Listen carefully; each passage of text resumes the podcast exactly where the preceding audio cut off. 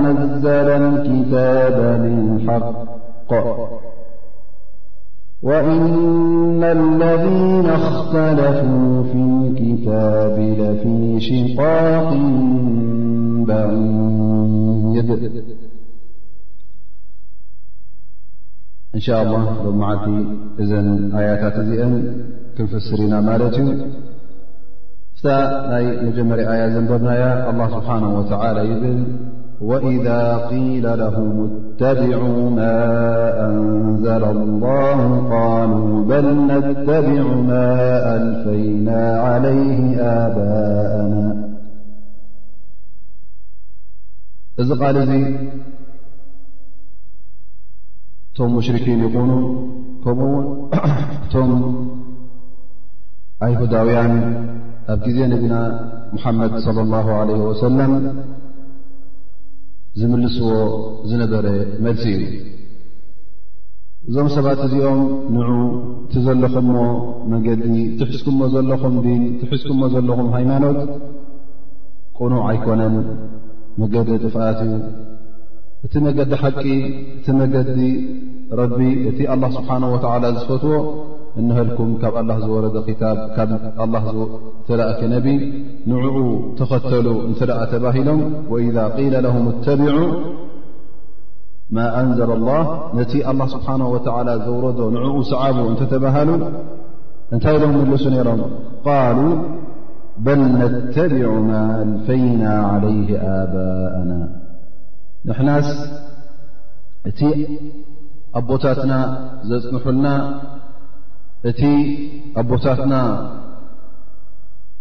ክገብርዎ ዝረኣና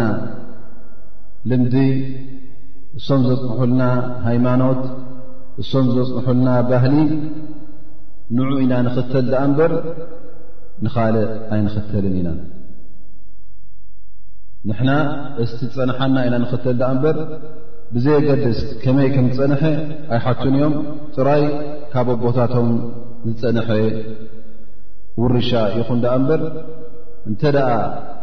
ካብኦም ፀኒሑስ ቅቡል እዩ ማለት እዩ ካብቶም ኣቦታትና እተ ፀኒሑ ንቕበሎ ኢና ኢሎም ይምልሱ ነይሮም ማለት እዩ ልክዕ እቲ ኣእምሮኦም እቲ ሓንጎሎም እቲ ኣላ ስብሓን ወተላ ሂብዎም ዘሎ ዓቕሊ እቲ ኣላ ስብሓን ወተላ ሂብዎም ዘለዉ ልቢ ከይተጠቐምሉ ትኺኢሎም ከም እንስሳ ደድሕሪ እቶም ኣቦታትና ዘፅንሑልና እናበሉ ይስዕቡ ነይሮም ማለት እዩ እንተ ኣቦታትካ ዘፅንሑልካ ቁኑዕ መገዲ ኮይኑ ሰናይ መገዲ ኮይኑ ንዕኡ ተተኸተልካ ፅቡቕ እዩ እዚ እውን ኣቦታትና ፅንሖምልካ ይኮ ኣቦታትካ ፅንሖምልካ ይኮን ትኸተል ዘለኻ እንታይ ደኣ ቁኑዕ መገዲ ስለ ዝኾነ እምበር ኩሉ ሰብ ኣነ ኣቦታተይ ዘፅንሑለይ ኢሉ እንተ ክነብር ኮይኑ ወላ እውን ቁሩብ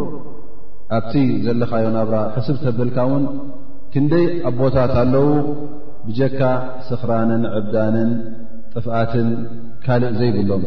ደቆም ክትሪኦም ከለኻ መገዲ ረቢ ሒዞም ክኸዱ ትረኽቦም እዞም ሰባት እዚኦም ኣቦይ ነፅንሓለ ኢሎም እተ ቅፅሉ ኮይኖም ክጠፍኡ እዮም ማለት እዩ ስለዚ ግዴታ ኣይኮነን እቶም ኣቦኻን ኣቦሓት ቁታት ካንሲ ካባኻ ይሕሹ ማለት ኣይኮነን ካባኻ ይሕሹ ተኮይኖም ፅቡቕ እዚ ካብ ረቢ ዝመፀ ፈድሊ ማለት እዩ ትቕበሎ ፅቡቕ እዩ ግን ምናልባሽ እሶም እውን ክጋገዩ ክእሉ እዮም ምክንያቱ እሶም ኣንብያ ኣይኮኑ ሩሱል ኣይኮኑ እንታይ ደኣ ከማኻ ሰብ እዮም ክጋገዩን መገዲ ሓቂ ይሕዙን እንተተማሂሮም ፈልጡ እዮም እተዘይተማህሩ ድማ ኣብቲ ድንቁርናን ኣብቲ ጅህልን ክነብሩ እዮም ኣነስ ኣቦይ ጃህሊ ነይሩ እማ ኣነ ብጃህለይ ክነብር ከይተማሃርኩ ክነብር ዝብል ሰብ ኣይትረኣየን ክሳዕሎን እዩ ኣነ ኣቦይ ዩኒቨርሲቲ ኣተወን ጥራይ ዓሰርተ ክልተ ክፍሊ ወዲኡ እማ ኣነስ ካብቲ ኣቦይ ዘፅንሓለይ ካብ ኣይሓልፍን እየ ዝብል ሰብ የለን እንተ ደኣ ዕድል ረኺቡ ክመሃር ፍልጠት ክውስኽ ሃብቲ ክውስኽ እዚ ናይ ኣዱንያ ነገር ክኸውን ከሎ እታ ናይ ኣቦይ ተኣኽለኒ ይብል እንታይ ደኣ ዝያዳ ካብ ኣቦይ ክበልፅ እዩ ዝብል ትረኽቡ ግን ኣብቲ ናይ ድን ክኸውን ከሎ ንዓ እዚ መገዲ ሓቂ እዚ ረቢ ዘፅንሖ ክትብሎ ከለኻ ኣቦታትና ድኣ እሞ እንታይ ተጋግዮም ማለት ዮም በዓል ኣቦይ ሸክና ከምዚ ነይሮም በዓል ክስቶ ከምዚ ነይሮም ኢሉ ክካታዕን ክዛረብን ይጅምር ስለዚ ከመይ ጌርካ ኢኻ ሞ እዚ ኣላ ስብሓን ወተላ ነዞም ሰባት እዚኦም ነዞም ኣይሁዳውያን ንዑ እዚ መገዲ ኣላ እዩ እዚ ነቢ ሙሓመድ ስ ሰለም እዩ እተተባሃሉ ንሕና እቲ ናይ ቀደም ኣቦታትና ዘፅሑልና ዲን ካብኡ ፈልከት ኣይነብልና እሶም ዲን ሒዞም ፀኒሖም እዮም ንሕና ኣብኡ ኢና ይብሉ ነይሮም እቶም ሙሽርኪን ንገዛእ ርእሶምን ንሱ ይድ ነይሩ መልሶም ማለት እዩ ሙሽርኪን ከለዉ ንእምንን ንገረብን ንዕንጨይትን ባዕሎም ዝሰርሑዎ ባዕሎም ፀረብዎ ምስልን ስእልን ገይሮም ንዕኡ እናሰገዱ ንኡ እናምልኹም ከለዉ እዚ ቦታትና ዘፅሑልና ንሕና ካብቲ ናይ ኣቦታትና ሃይማኖት ፈልከት ኣይንብልን ኢና ኢሎም ክዛረቡ ይረኣዩ ነይሮም ላ ስብሓን ወተላ ነዞም ሰባት እዚኦም ይምልሰሎም ኣሎ ማለት እዩ ኣወለው ካነ ኣባኡም ላ ያዕቅሉነ ሸይአ ወላ የህተዱን ኣቦታቶም እስኪ ዲን ዘይፈልጡ እንትኾኑ ኸ ዘይርድኡ እንተኾኑ ኸ መገዲ ሓቂ ዘይሓዙ ነሮም እንተኮይኖም ከ ደድሕሪኦም ዝስዕቡ ሱቕ ኢሎም ከይሓተቱ ተቕሊድ ማለት እስኻ ዝፀንሓካ ንዕኡ ልክዕ ከምኡ ስእሊ ጌርካ ማለት እዩ ትቕፅል ማለት እዩ እሶም ፀድፊኣት እዮም እስኻ ፀድፊ ትኣት እሶም ጀና ኣትዮም ጀና ትኣት እሞ ተዓሚትካ ትኸይድ ኣለኻ ማለት እቲ ኣላ ስብሓን ወላ ዝሃበካ ዓይኒ ትርእየሉ የለኻን ማለት እዩ እቲ ኣላ ስብሓን ወላ ሂቡካ ዘሎ እዝኒ ትሰምዓሉ የለኻን ማለት እዩ እቲ ኣላ ስብሓን ወላ ሂቡካ ዘሎ እምሮ እውን ትጥቀመሉ የለኻን ማለት እዩ ልክዕ ከም እንስሳ ኮንካ ትነብር ኣለኻ ማለት እዩ ምኽንያቱ ኣላ ስብሓን ወላ ንኩላህና ኣእምሮ ሂቡና እዩ እዚ እምሮ እዚ ፅባሕ ንግሆ ኩላህና ክንሕተተና እዚ እሙሮካ እንታይ ተጠቒምካ ኣሉ እዚ ዓይን እዚ እንታይ ርኢኻ ኣሉ እዚ እዝኒ እንታይ ሰሚዕካ ኣሉ እዚ መልሓስ እዚ እንታይ ይብል ነይሩ ፅባሕ ንግ ክትሕተት ኢኻ እ ኣቦኻ ኣቦ ሓጎታትካን ከመይ ገሮም ይሓስቡ ነይሮም እንታይ እተሓሳስብኦም ነይሩ ኢልካ ፅባሕ ንግ ኣይትሕተትን ኢኻ ኣተሓሳስባ ናይ ኣቦኻ ንዓኻ ጀና የእትወካን እዩ ጀሃንም ውን ኣይእትወካን እዩ ናይ ኣቦ ሓጎታትካ ኣተሓሳስባ ኣይጠቕመካን እዩ እሶም ሓሲቦም ሓሲቦም ፅቡቕ በፂሖም ንስኻውን ኣእምሮ ተዋሂብካ ኣለኻ ሕሰብ ኣላ ስብሓን ወተዓላ መገዲ ሓቅን መገዲ ጌጋን ኣርእካ እዩ ነዚ መገዲ እዚ መሚኻ ኣየና እዩ ናብ ፍቶት ኣላ ሪዳ ኣላ ዘብፅሓካ ኣየናይ ከዓ ኣብቲ ቁጣዓ ኣላ ዘፅድፈካ ንዕኡ እንተ ተዓዚብካ ንኡ ተመልኪትካ በቲ ሂቡካ ዘሎ ኣላ ስብሓን ወተላ ኣእምሮ ክትመምዮ ትኽእል ኢኻ ስለዚ እዞም ሰባት እዚኦም ኣላ ስብሓን ወተዓላ ኣብዚ ኣያ እዚኣ ክምልሰሎም እንከሎ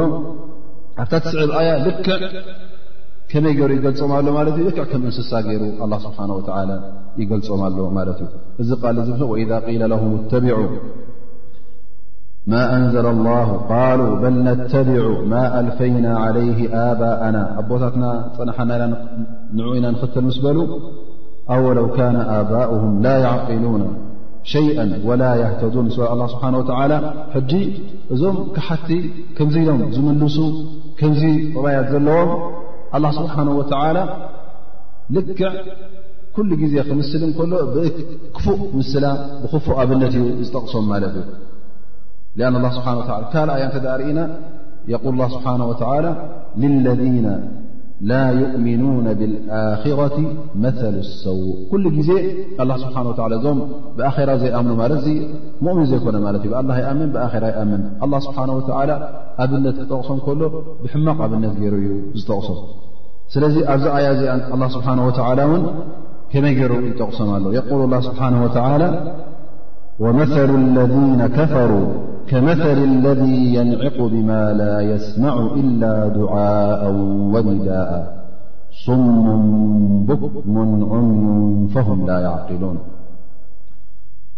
ኣብነት ናይዞም ክሓቲ እዚኦም ይብል ኣላ ስብሓን ወተላ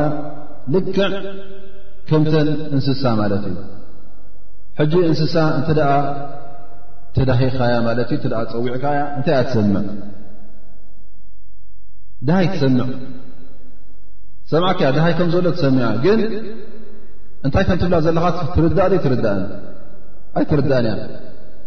ንዓናይ ገዛ ትብላ ኣለኻ ተእንስሳ ተነባግዕ ዎ ኢልካ ፀዊዕካየን ንኺድ ማለት ድዩ ንዕነ ብልዓ ማለት ድዩ ንዕነ ማይስተያ ማለት ድዩ እዚ ኩሉ ይትፈልጦን እያ ግን ተድሊፅካ ግን ትሰምዕ እያ ድምፂ ትሰምዕ እያ እንታይ ድምፂ ተረኪቡ ኢላ ምናልባሽ ትሰምዕ እያ ማለት እዩ ስለዚ እዞም ጃሂሊን እዞም ክሓቲ እውን ልክዕ ከመን እዮም እቲ ዝበሃል ዘሎ ቃል እናሰምዕዎ ከለዉ ልክዕ ከምታ እንስሳ ሓንቲ ይርድኡ እዮም ማለት እዩ ኣእምሮ የለን ማለት እዩ ሰምዑ ኣለዉ ቁርን ይቀርኡ ኣለዉ ይስምዕ ኣሎ ኣብ ቅድሚኦም ይቕረእ ኣሎ ግን እዚ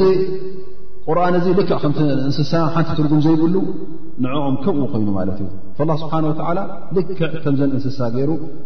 ይጠቕሶም ኣሎ ከመሰሊ ለذ የንዕቁ ብማ ላ የስማዕ ኢልካ ክትደሃዮ ከለኻ ክትጭድርን ከለኻ ልክዕ ድምፂ ሰምዕ ግን ትርጉም ዘይፈልጥ ማለት እዩ ላ ስብሓን ወላ ነዞም ክሓቲ ልክዕ ከም እንስሳ ከም ኣባጊዕ ከምኡ ገይሩ ይጠቕሶም ኣሎ ማለት እዩ ثመ የقል ላ ስብሓን ወተላ እዞም ሰባት እዚኦም ል ሱሙን ቡክሙን ዑም ሰለስተ ነገራት ኣሎ ሱም ማለት ፀማም ማለት እዩ ቡኩም ማለት ሎጓም ማለት እዩ ዑምይ ድማ ዕውር ማለት እዩ እዞም ክሓት እዚኦም ሕጂ እዘን ሰለስተ ነገራት ኣለዎም ጸማማት ዕዉራት ሎጓማት ኣለዉ ምልኦም ክሓት ባ ይርዩ ኣዒንቲ ካባኻ ዝበለፅ ዓይኒ ኣለዎም እዚ እውን ካባና ዝበለፅ እዚ ንህልዎ ምኸውን መልሓስ እውን ካባና ወይ ከዓ ካብ ናትና ዝነውሕ ካብቶም ናይ ሙስሊሚን ዝነውሕ መልሓስ ኣለዎ ምኸውን ግን ኣላ ስብሓን ወተዓላ እዚ ክብል እንከሎ ሱሙን ክብል እንከሎ እዞም ሰባት እዚኦም እዝኖም ፀማም እዩ መገዲ ሓቂ ወይ ከዓ ምኽሪ ሓቂ ኣይሰምዕን እዩ ሂዳያ ኣይሰምዕን እዩ ንሓቂ ክትፅውዖ ከለኻ ኣይቀበልን እዩ ማለት እዩ ቡክሞን ድማ ሓቂ መልሓሶም ሓቂ ትዛረብን እያ ሓቂ ተውፅእን እያ መገዲ ሓቂ ትሕብርን እያ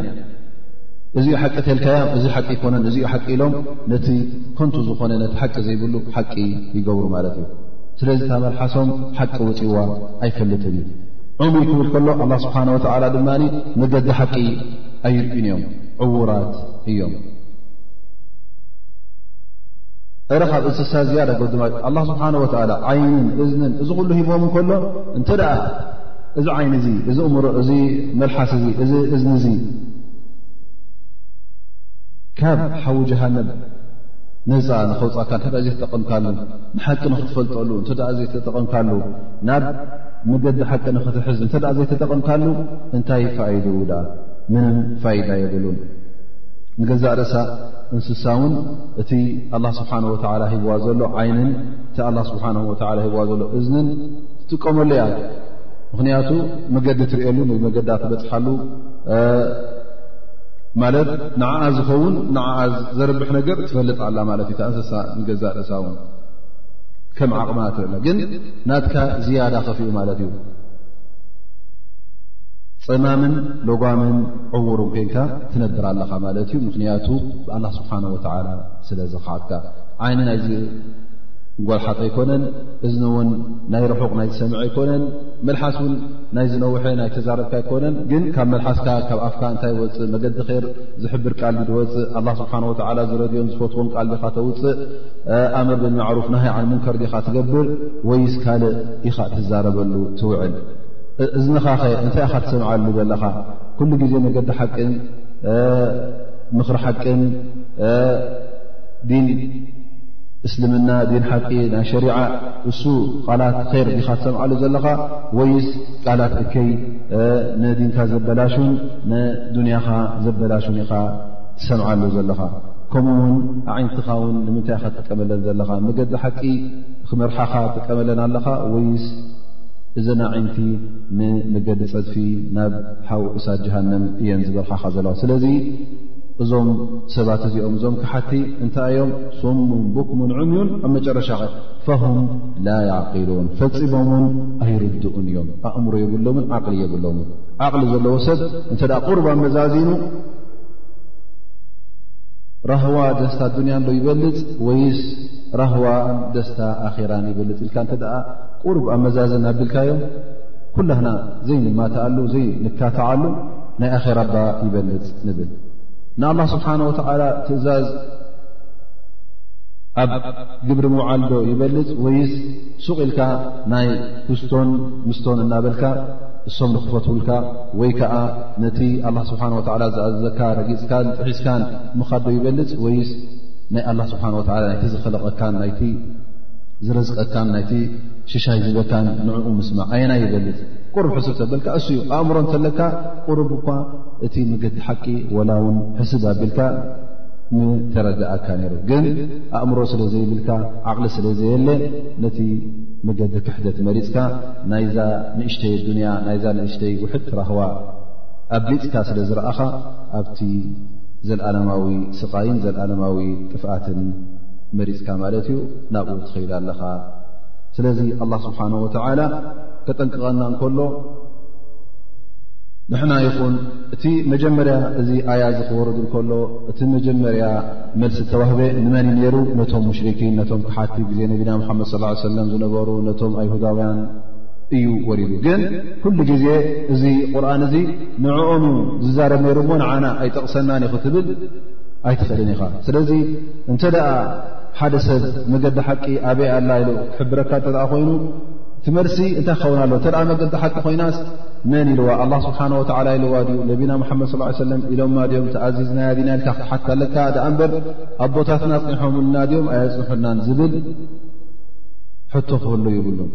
ምክንያቱ ኩሉ እቲ ዲን እውን ኣብ ቦታትካ ይፈልጥዎን እዩ እስኻ እውን ኩሉ እቲ ዲን ክትፈልጦ ኣይኮንካን ስለዚ እቲ መሪሕናካ እቲ ንዓኻ ናብ መገዲ ሓቂ ዝመርሓካ ክታብ ረብን ሱና ነብን እዩ እምበር እቲ ናይ ኣቦታትካ ዝነበረ እቲ ናይ ቀደም ፀንሐ ልምዲ ኣብ ፈቐዶ ዓለም እተ ርእና ሓደ ሓደ ግዜ ወይ ከዓ ኩሉ ግዜ ኣብ ዝኾነ ሃገር እተ ርእና እቲ ዲን ምስቲ ልምዲ ናይቲ ሃገር ሓደሓደ ግዜ ይተሓዋወስ ማለት እዩ ገለገለ ነገራት ልምድን ባህልን ዝነበረፍቲ ዓዲ ከም ዲን ጌርካ ትወስዶ ማለት እዩ ኣብ ዓድና ናህና ልምድን ባህልና ኣለና ገለገለ ናይቲ ዲን ምስቲ ልምዲ ተሓዋዊሱ ልክዕ ከም ሓደ ብሓደ ዓይነ ጌርካ ጠምቶ ኣብ ካልእ ሃገር ተመፅካ ከምኡ ገይሮም ጥምትዎ ኣብ ካልእ ሃገር ተመፅካ ውን ከምኡ ጌርካ እዚ ሕጂ ነቲ ዲን ብዝያዳ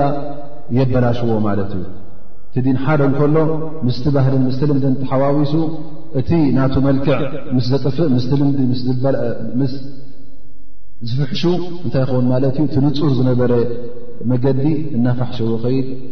ምስቲ ኣብቲ ሃገር ዘሎ ልምዲ ስለ ዝተደባለቀ ማለት እዩ ስለዚ ቀንዲ ነገር ክትፈልጦ ዘለካ እዚ ጉዳይ እዚ ረቢ ዝኣዘዞ ድዩ ነቢ ዝኣዘዞ ድልካ ምሕታት ዘሎ ዳኣ እምበር ኣብ ቦታትና ገይሮም ሞዶ ኣይገበርዎን እሶም ኣፅንሖምልና ኣይፅንሑና ምባል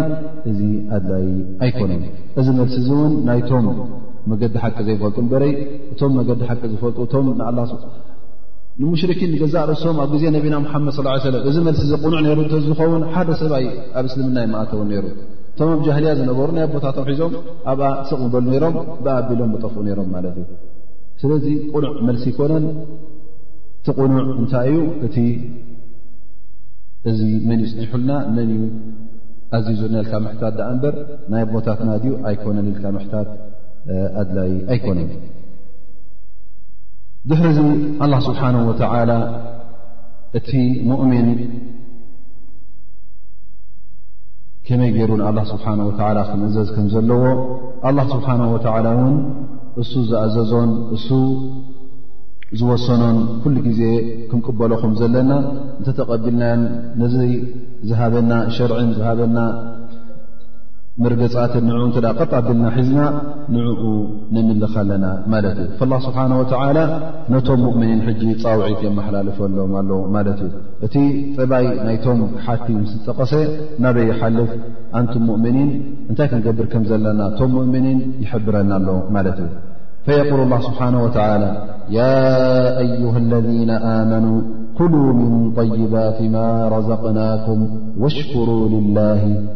እን ኩንቱም እያሁ ተዕቡዱን ላ ስብሓን ወተላ ነቶም ሙእምኒን በቲ ጥዑም ስሞም ያ ኣዩሃ ለذነ ኣመኑ ኣንቱም ዝኣመንኩም ኣንቱም ብኣይ ዝኣመንኩም ኣንቱም ብሓደ ኣላ ዝኣመንኩም ኣንቱም በቲ ዘውረድክዎ ክታብ ዝኣመንኩም በቲ ዝለኣኽክዎ ነቢይ ዝኣመንኩም ኢሉ ኣላ ስብሓን ወተላ ይፅውዓና ኣሎ ማለት እዩ እዚ ድማ ደስ ዝብለካ ማለት እዩ ስብሓ ሙእምን ኢሉ ክፅውዓካ እንከሎ ካብኡ ዝዓቢ የለን ምኽንያቱ ኩላኽና ሙእምኒን ክንከውን መገዲ ኢማን ዝሓዛ ክንከውን ኢና እንደሊ ስለዚ ኣላ ስብሓን ወላ ዝፃውዒት ክህበና እንከሎ እውን ፅን ኢልና ክንሰምዕ ኣለና ምኽንያቱ ንመገዲ ከይሪ ክሕብረና ደልዩ ወይ ከዓ ካብ መገዲ እከይ ተኣለዩ ካብ መገዲ እከይ ተቆጠቡ ክብለና ስለ ዝኾነ ፅን ኢልና ንሰምዕ ያ ኣዩሃ ለذነ ኣመኑ ኩሉ ምን طይባት ማ ረዘቅናኩም ካፍቲ ጥጥዑሙ መምቁሩ ዘበለ ሽሻይ ዝሃብናኩም ካብቲ ዝሃብናኩም ፀጋ ካብኡ ብልዑ እዚ ማለት ድማ ኣላ ስብሓን ወተዓላ ኩሉ ግዜ እቲ ሓላል ዝገብሮ ነገር እንታይ እዩ ጠይባት ማለት ጥዑም ምቁር ንዓኻ ዘይጓዳእ ነብስኻ ዘይጓዳእ ነብስኻ ዘይሃሲ እምበር እንተ ደኣ ንነብስኻ ዝሃሲ ኮይኑ ዝጓዳእ እተ ኮይኑ ኣላ ስብሓን ወተዓላ ይሕርሞን ይኽልክሎን እዩ ላ ስብሓን ወተላ ኣብዚ ሕጂ ካብኡ ብልዑ ክብለና እንከሎ ካብቲ ጠይባት ደኣ ብልዑ ካብቲ ሰናይ ካብቲ መምቁሩ ምኽንያቱ እንተ ካብቲ ጠይባት በሊዕካ እዚ እውን እና ሃበካ ከሎ ኣላ ስብሓን ወተላ ነዚ ጠይባት እዚ እንታይ ክትገብር ዘለካ ተሽኩሩ ላ ስብሓን ወላ ክተመስግን ኣለካ ምኽንያቱ ኣላ ስብሓን ወተላ እሱ ዩ ክሪቑካ እሱ እውን መብዝሕቱ እዚ ብዱንያ ዝርከብ ዘሎ ርዝቂ እውን ሓራም ዩ ክብለካ መኽኣለ ነይሩ ተን ሓላል ውሱናት ምገበረን ነይሩ ክልተ ሰለስተ ጥራይ ምገበረን ምኽንያቱ ኣብ ካብኢት ካብ ምልኩ ትወፅእ ኣይኮንካ ወይ እውን ነቲ ርዝቂ እውን ከጥፍኦ ኩሉ ይኽእል እዩ ኣላ ስብሓን ወተላ ወይ እውን ከም ፈተነ ከምቲ ዝበልናዮ እተን ሓላል ውሑዳት እተን ሓራም ብዙሓት ዝገበረ ነይሩ ግን ኣላ ስብሓን ወተዓላ ራሒም ስለ ዝኾነ ኣዝዩ ራህራሂ ስለ ዝኾነ እተን ሓራም ዝኾና ነገራት እተን ዝብልዓ ሓራም እዩ ዝቖፀረን ውሕዳት እየን እሰም እውን ምስቲ ሽሻይ ኣላ ስብሓን ወተዓላ ክትረኣየን ከለኻ ኣዝን ኣዝየን ውሑዳትን ብኣፃብዕ ዝቑፀራ እየን ስለዚ እዚ ስለ ዝኾነ ድማ እንታይ ክትገብር ዘለካ ንኣላ ስብሓን ወተዓላ ክተመስግን ይግባእ ንኣላ ክተመስግን ከለኻ ድማ ብምንታይ ኢኻ ተመስግኖ ጥራይ ብመልሓስካ ኣይኮነን እዎ ብመልሓስካ ተመስግኖ ኣልሓምዱላ ትብል ኣሽክሩ ላ ትብል ኣብ ርእሲኡ እውን እዚ ርዝቂ እዚ ትምስገና ምሰናይ ተኣሳሰረ ገይርዎ ኣሎ ኣላ ስብሓን ወተላ ምን طይባት ማ ረዘቅናኩም ወሽኩሩ ልላ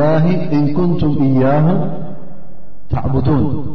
ንዑ ንኣላ ስብሓን ወተላ ብሓቂ ንዑ ትግዝኡ እንተ ኮንኩም ማለት ምስቲ ዓቂዳ ምስቲ እምነትካ ምኽንያቱ ኣላ ስብሓን ወተላ እንተ ብሓቂ ንዑ ትግዛእ ኮንካ እተ ብሓቂ ንዑ ተምልኽ ኮንካ ካብቲ ሱ ዝበለካ ፍልከት ክትብል የብልካ ንኡ ውን ከተመስግኖ ኣለካ ኣንታ ረቢ ሓምድላ ልካ ምኽንያቱ እቲ ምስጋና ንገዛእ ርእሱ ባዳ እዩ እቲ ምስጋና ንገዛእ ርእሱ ኣምልኾት እዩ ማለት እዩ ባዳ እዩ ንኣ ስብሓ ሓምድላ ክትብል ከለኻ ትግዝኦ ኣለኻ ማለት እዩ ምክንያቱ ኣንታ ረቢ ንስኻ ሽሻይ ሂብካኒ ኣልሓምዱሊላ ኢልካ በዚ ዝክሪ እዚ በዚ ዱዓ እዚ ክትቀርብ ከለኻ እዚ እውን ዱዓ እዩ ማለት እዩ ፈዚ ስለዚ እንስኹም ኣንቱም ባሮተይ ኣንቱም ሙእምኒን ካብቲ ሓላል ዘብኡ ካብኡ ብልዑ ካብኡ ስተዩ እዮ ኣላ ስብሓን ወተዓላ ይሕብረና ኣሎ ምኽንያቱ እንተ ደኣ ነዚ ሓላል እዚ ነቲ ኣላ ስብሓን ወተዓላ ዝሓለሎ ኣላ ስብሓን ወተዓላ ዘፍቀዶ እንተ ደኣ ትበልዕ ኮይንካ ኩሉ ግዜ እቲ ዒባዳኻ ይኹን ከምኡ ውን እቲ ዱዓ ናካ ውን ቅቡል እዩ እንተ ደኣ ብልዕኻን መስተኻን ሓራም ኮይኑኸ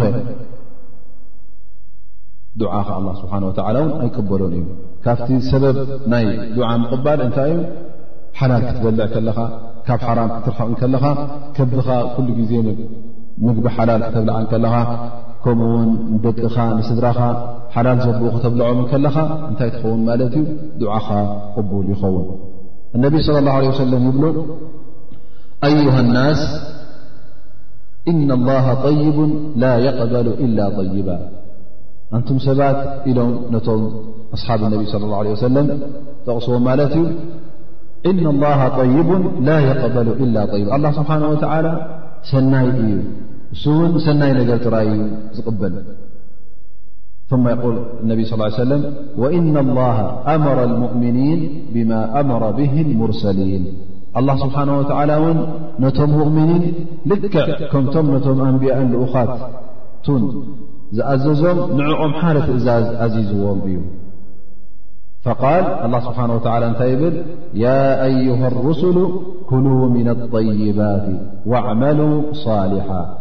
እኒ ብማ ተዕመሉና ዓሊም እዚ ሕጂ ትእዛዝ ንመን ዝተዋህበ እዩ ነቶም ልኡኻት ኣላ ስብሓን ወተላ ነቶም ኣንብያ ማለት እዩ ያ ኣዩሃ ሩስሉ ኩሉ ምና ኣጠይባት ካብቲ ጠይባት ካብቲ ሰናይ ዝኾነ መግቢ ካብኡ ብልዒ ኢልዎም ልክዕ ነቶም ሙእምኒን ከንታይ ኢልዎም ወቃል ያ ኣዩሃ ለذነ ኣመኑ ኩሉ ምን ጠይባት ማ ረዘቅናኩም እዛ ሎም መዓልቲ እዚኣ ኣያ እዚኣ ንፍስራ ዘለና ማለት እዩ ኣላ ስብሓን ወተዓላ ከምዚ ዓይነት እዩ ሰናይ እዩ ዝቕበል ንሰናይ እውን ዝእዝዝ ስለዚ ሰናይ ግበሩ ሰናይ ብልዑ እናበለ ኣነቢ ስለ ላ ለ ሰለም እዚ ሓዲስ እዚ የመሓላልፈና ከምኡ ውን ነዚ ሓዲስ እዚ መመላእታ እነቢ ስ ላ ሰለም የድኩር ثመ ዘከረ ኣነቢ ስ ሰለም ኣረጅላ ዩጢሉ ሰፈር ኣሽዓፈ ኣغበር የሙዱ የደይህ ኢላ ሰማእ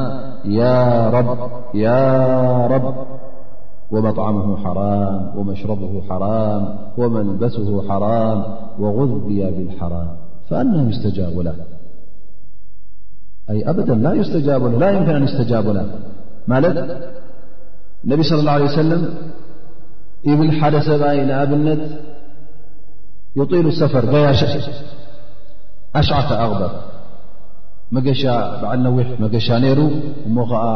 ብመገሻ ዝኣክል ነብሱ ኩሉ ዶሮና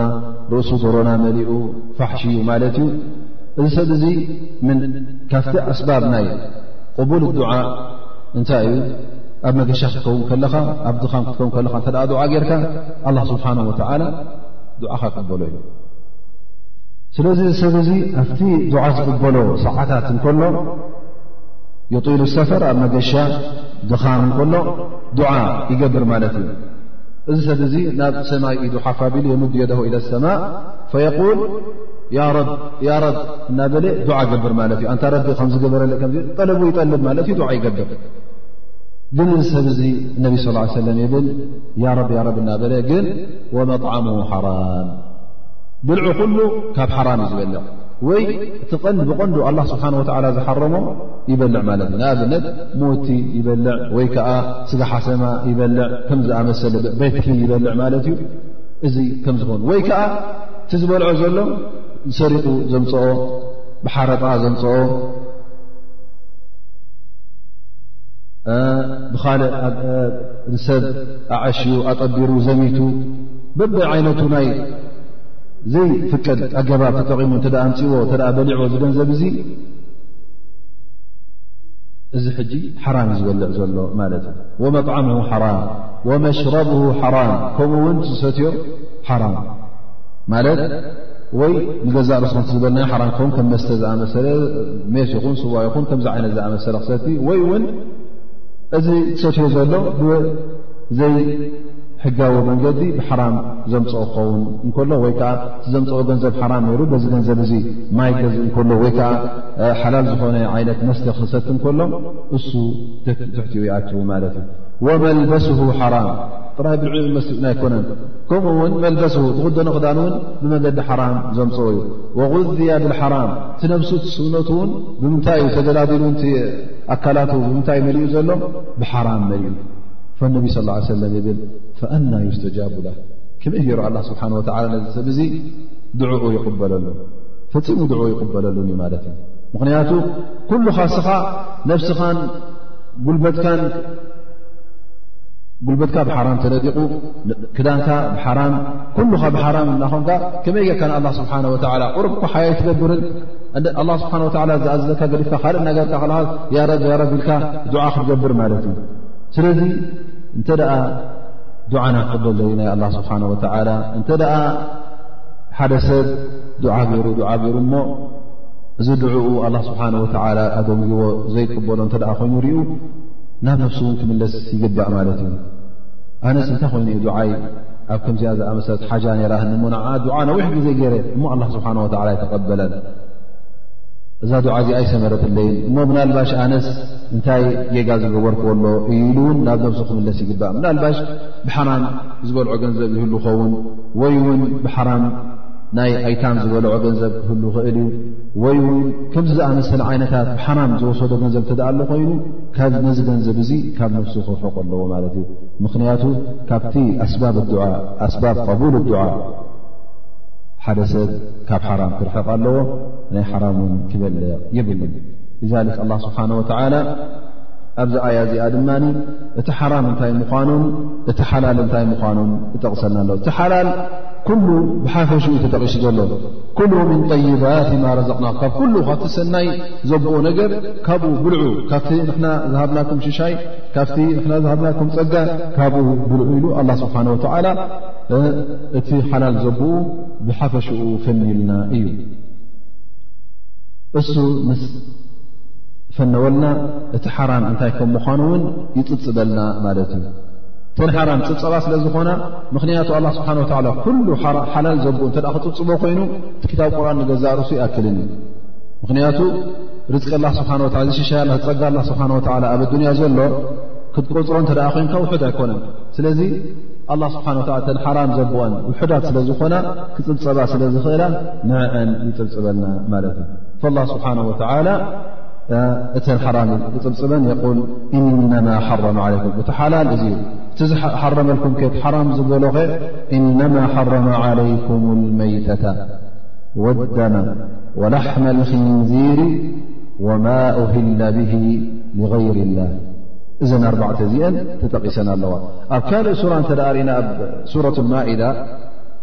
ቁሩብ ብዝያዳ ትንተና ውን ንረክብ ማለት እዩ ግን እቲ ትንተና ውን ብዙሕ ኣይኮነን ንኣብነት ኣብ ሱረት ማኢዳ ኣላ ስብሓን ወተላ እንታይ ይብል እታ ኣያ ቅፅሪ ሰለስተ ሕርመት ዓለይኩም ኣልመይተቱ እዚኣ ተጠቂሳ ወደም ወላሕሙ ልክንዚር እዚአን ሕጂ ኣሎ ወማ ኡህላ ብغይር ላህ ብ ብድሕሪአን ዝመፅ ኣለዋ ኣብ ሱረት ማኢዳ ቅፅሪ ሰለስተ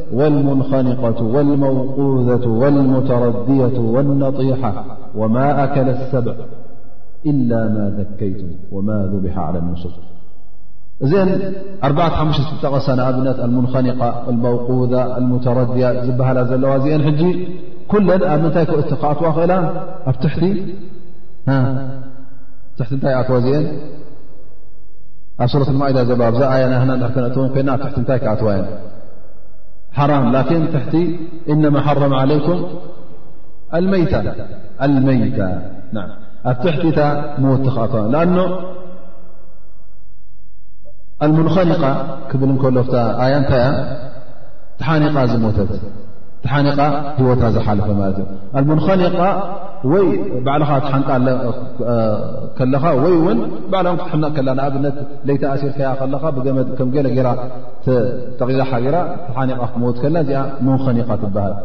ወልመውቁዛ ትበሃል ድማ መውቁዝ ማለት ወይ ብበትሪ ዝኣመሰለ ወይ ከዓ ብእምኒ ሃሪምካ ክትቀትላ ክተሙታ ከለኻ እተ ደም ዘየውፅእ ኮይኑ ወላ ውን እናፈለጥካ ንክትቀትላ ኢልካ እተ ሃሪምካያ እሞ እተ ደም ዘየውፀት ብኻራ ብበሊሕ ነገርታ ዘይተሓረደት ሕጂ እዚኣ መውቁዛ እያ ትበሃል ቀደም እውን ከምኡ ገይሮም ይቐትሉ ነይሮም ማለት እዩ ኣምፃ ኣቢሎም በትሪ ገይሮም ወይ እውን ሕጂ እውን ኣሎ ኣብ ኦሮባ ይብሉ መታን ከይዕዝቦ ማለት ከዓ ከይሳቐቲ እንስሳ ማለት ገጅፍ ሓፂና ሌሎ ኣብ ርእሱ ይሃርሞ ነት እንስሳ ገው ምሰብሉ ኣኸሎ ሓንሳእ ተንፋሱ ይሓልፍ ሉ ከምዛ መሰለ እተ ሞይቱ ደም ከየፍሰሰ ብግቡእ ከይትሓር ሞይቱ ሕጂ እ መውቁዛ ይበሃል ወልሙተረድያ ትበሃል ድማ ሙተረድያ ማለት ከዓ ካብ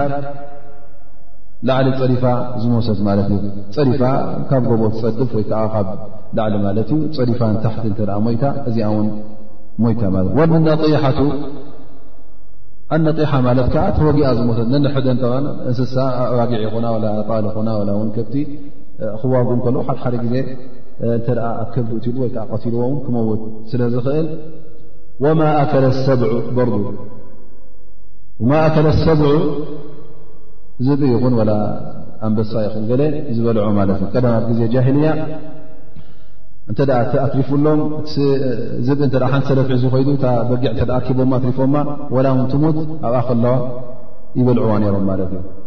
ግን ኣብ እስልምና እዚ ኩሉ እንተ ሞይቱ ኣይቅርብን እዩ ذ ኣብ ሱረት ማኢዳ ኢላ ማ ዘከይቱም ንኣብነት ሓደ ኢላ ማ ዘከይቶ ማለት እተ ኣርኪብካሉ ብህየት እተ ኣርኪብካሉ ማለት እዩ ወላ እውን ንኣብነት እንተ ዝብ መፅኡ ሓድሓደ ግዜ እተ በጊዕ ይኹን ገለ እተ ምንጭት ኣቢሉላ ማለት እዩ እሞ ምንጭቱላ ከይ ሞተት ኣርኪብካላ ማለት እዩ እሞ መፅኻ ከዓ ተ ሓሊልካያ እዚኣ ሕጂ ሓላለ ማለት እዩ ምክንያቱ ገና ከይ ሞተት ከላ ብትንፋሳ ከላ ብህየታ ከላ ስለ ዘርከብካላ ከምኡ ውን እተን መውቁዘት ወልሙተረድዮት ዝበሃዘ እተ ካብ ላዕሊ ፅሪፋ እውን ሓንቲ እንስሳ እሞ ከይሞተት ከላ ከይሓለፈት ከላ እንተ ኣርኪብካ ኣላ ብትንፋሳ ከላ ኣርኪብካ ኣላ ማለት እዩ ትብላዕ እዮ እዚኣ ውን ናይ ፅሪፈት ኣይኮነን ፅሪፋ እውን ምናልባሽ እግራ ተሰይሩ ኸውን ወላ ውን ሕቑኣ ተሰይሩ ክኸውን ይኽእል እዩ ኣይትንቀሳቐስን እያ ግን ብህየታ ስለ ዘላ መፅካ ትርክበላ እዚኣ ሕጂ ሓላል ትኸውን ማለት እዩ ስለዚ ግን ሓራም ታበትኪያ ዝሞተት ማለት እዩ ላስ ወላ እውን ከይተንከትካዮ ከለካ ትሙት ፀዲፋ ትሙት ብዝኾነ ይኹን ዓይነት ትሙት ኣላ ስብሓን ወላ ኣብዚ ኣያ እዚኣ ዝጠቐሳ እነማ ሓረመ ዓለይኩም ኣልመይታ ዝሞተት ማለት እዩ ትንፋሳ ዝሓለፈ እዚኣ ሕጂ ሓራም እያ ዝኾነት ምውት ድያ ሓራም ወይስ ምውት ዝኾነ ሓላል ኣሎ ሕቶ ብር ኩሉ ኣይዋ ፅቡቕ ዓሳን ኣንበጣን ኣለዉ ካብ ዝምውት እዚ ዓሳን ኣንበጣን እተ ዓሳ ምዉት ረኺብካ ምዉት ዓሳ እዚ ንሕና ከይተሓለለ ንበልዖ ኢና ይትብሉ ኣለኹ ስለዚ ዓሳ ምዉት ምኽንያቱ ዓሳ ክትሕሎ እተ ኮይካ ባሕሪ ዓካ ውሽጦ ክትሕሎ ማለት እዩ ምክንያቱ ውፅ ክፅክተውፅኦ ከለኻ ቁርብ ኣይፀንሐን እዩ ክመውት እዩ ማለት እዩ ስለዚ ዓሳን ኣንበጣን ወላ ውን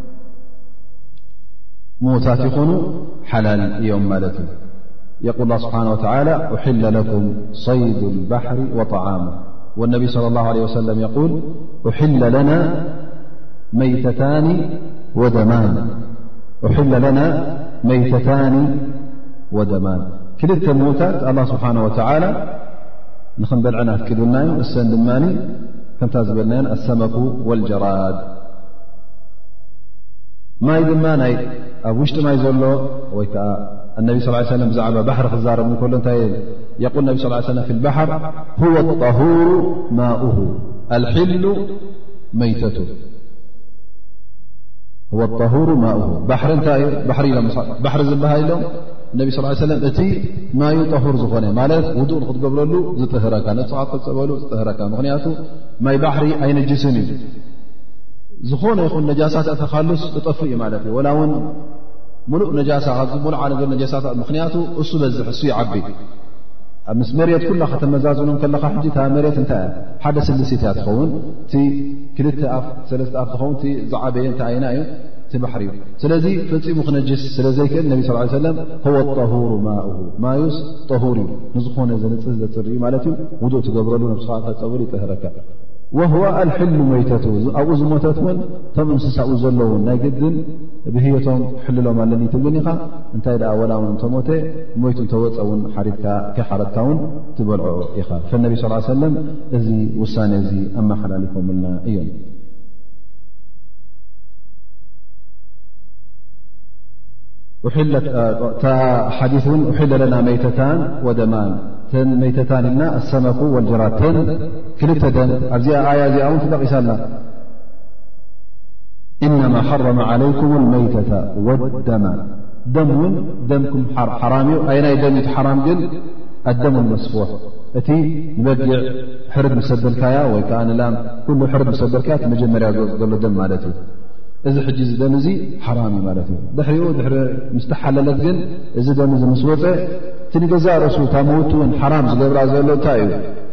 እዚ ደም እዚ ምትራፉ ማለት እዩ ሓንቲ እንስሳ ክትመውት ከላ እቲ ደም ኣበይ ተርፍ ዘሎ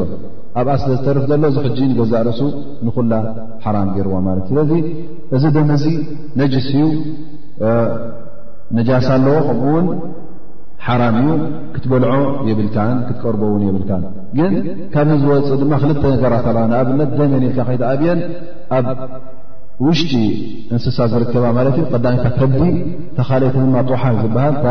ላልሽ ትበሃል እሰን ሕጂ ክልትኤን ደምየን ከም ርቡእ ደምየን ዝቁፀራ ግን እዚአን ኣላ ስብሓን ወተላ ሓላል ገይርዎን እዩ ምስቲ ደም ኣይቁፅራን እየን ወላ ውን ደም ይኹና መብዝሕተን ግን ስጋ ስለ ዘሎ ምስ ስጋ ስለ ተሓወሳ ኣላ ስብሓን ወተላ ነዚኣ ሓላል ገይሮም ኢና ማለት እዩ ዕለማ ይብሉ ብዛዕባ እዚ እውን ተዘራሪቦም እሞ ሓንቲ እስሳ ሞይታ ይብልኻ እሞ ከዓ ጌና ከይ ሓለፍትያ ከላ ከይርከብካ ኣላ ከለኻ ወይ ውን ሓንቲ ደርሆ ጌና ብ ከብዳ እታ ንቃቑሖ ከየውፅሕታ ከላ እንተሞተት እዚ ንቃቑሖ ዝን እዚ ፀባ ዝን እንታይ እዩ ነጅስ እዩ ወይስ ነጅስ ኣይኮነን ንኣብነት ሕጂ ንበላ ሓንቲ ላማ ክትሓልባልካ እና ተቐራረብካ ከለኻ ሸዓ ከረፊኢላ ሞይታ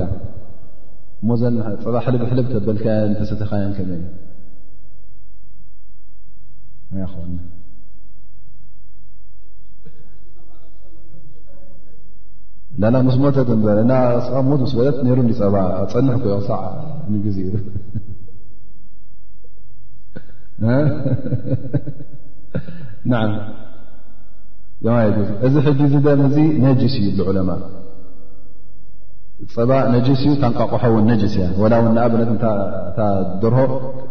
ሞይታ ዳሕራይ ጭዲ ዛድፋት እንቃቑሖ ተረከብካ ብ ከብዳ እዚኣ ውን ነጅስ እያ ኩላ ሙሓረም ማለት እዩ ስለምንታይ ይብሉ ዕለማ ክልተ ርእቶ ኣለዎም ሻፍዕያ እንታይ ይብሉ ኢሎም ስለምንታይ ነጅስ ኮይና ይብሉ እዚ ጅዙእ ምና ገለ ካብኣ ክፋል ገለ ካብኣ ክፋል ስለ ዝኾነ እዩ ነጅስ ኮይኑ ይብሉ ማሊክ እየ ዝብሉ ድማ ኩሎም ነጅስ እዮም ዝብሉ ግን ነናቶም መውፅእ ኣለዎም ማለት እዮም ግን ይብሉ ክልቲኦም ስለ ተላገቡ ብሓደ ስለ ዝነበሩ ዳኣ እምበር በበይኖም እዮም ግን ኣብ ሓንቲ ኣቕሓ ስለ ዝነበሩ ክልቲኦም ተሓዋዊሶም ስለ ዝነበሩ ብልሙጃወራ ጥቓን ጥቓን ስለ ዝነበሩ እሱ እዩ ነጅስ ዎም ዝብሉ ግን እቲ ውፅኢቲ ኩሉ ሓደ እዩ ኩሎም ነጅስ ምዃኑ ክትቀርቦ ከም ዘይብልካ ሓራም ምዃኑ ይጠቕሱ ማለት እዩ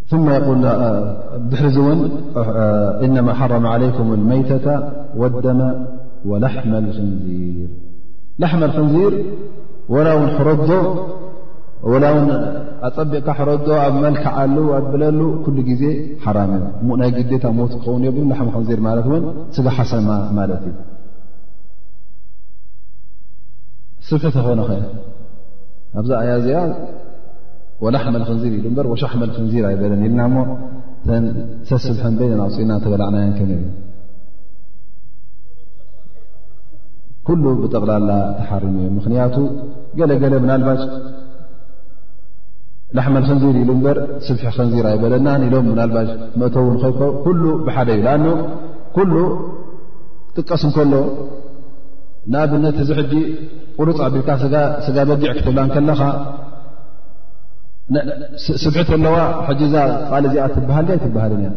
ስጋ በጊዕ ትብሎ ዋላ ምስ ስብሒ ከሎ ስጋ በጊዕ ኢኻ ትብሎ ምኽንያቱ እሱ ይስሙ ማለት እዩ ኩሉ ግዜ ምስቲ ስጋ ተሓዋውሱ ስለ ዝመፅእ መብዝሕቱ ከንታይ እዩ ዝኾነ እንስሳ መብዝሕቱ ስጋ እዩ ስብሒ ብዙሕ ዘለዉን ኣሎ ግን መብዝሕቱ ይብዛሕ ዳኣ እምበር እቲ ስጋ ይበዝሕ ማለት እዩ እቲ ስብሒ ከም መሸፈኒ ስለዝበ ስለዚ ኣብዚ ኣላ ስብሓን ወተላ ብስጋ ጥራይ ዝጠቐሶ እታ ስብሒ ዘይጠቐሰ ንኸይትብል እቲ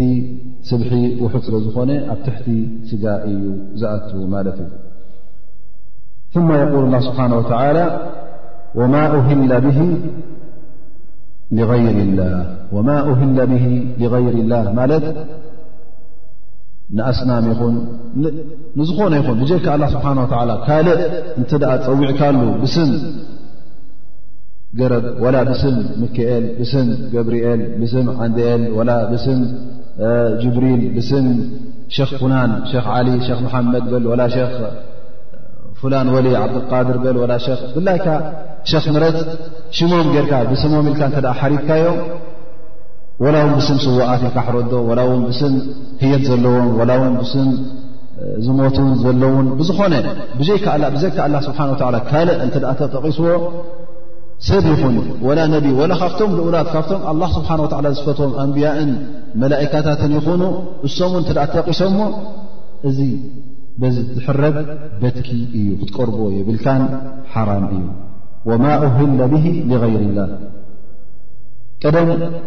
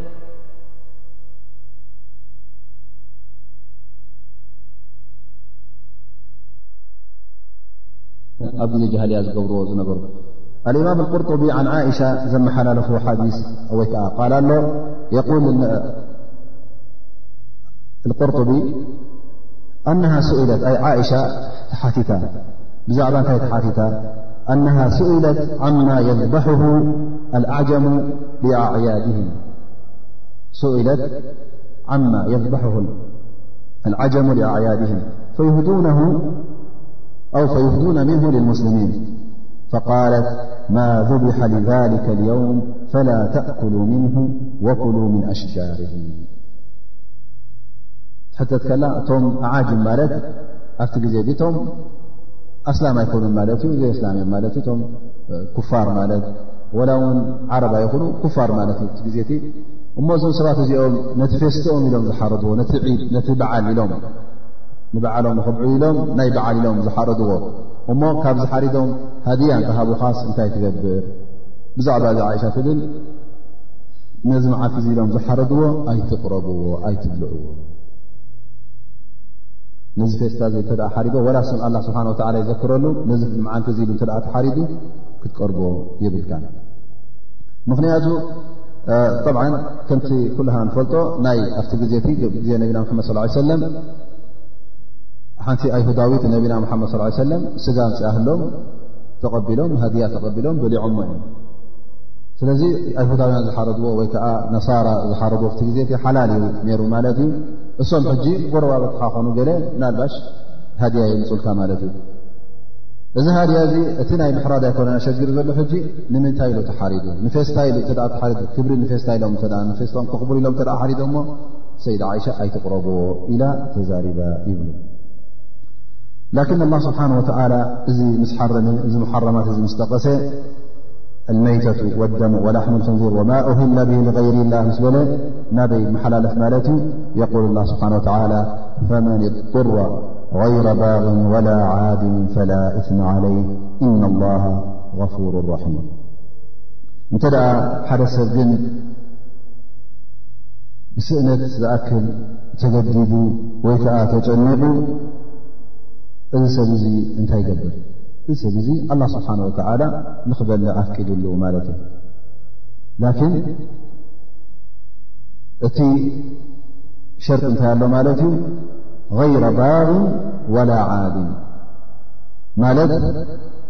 ገለ ክሰግር የብሉን እቲ ሕዱድ ክሓልፍ የብሉን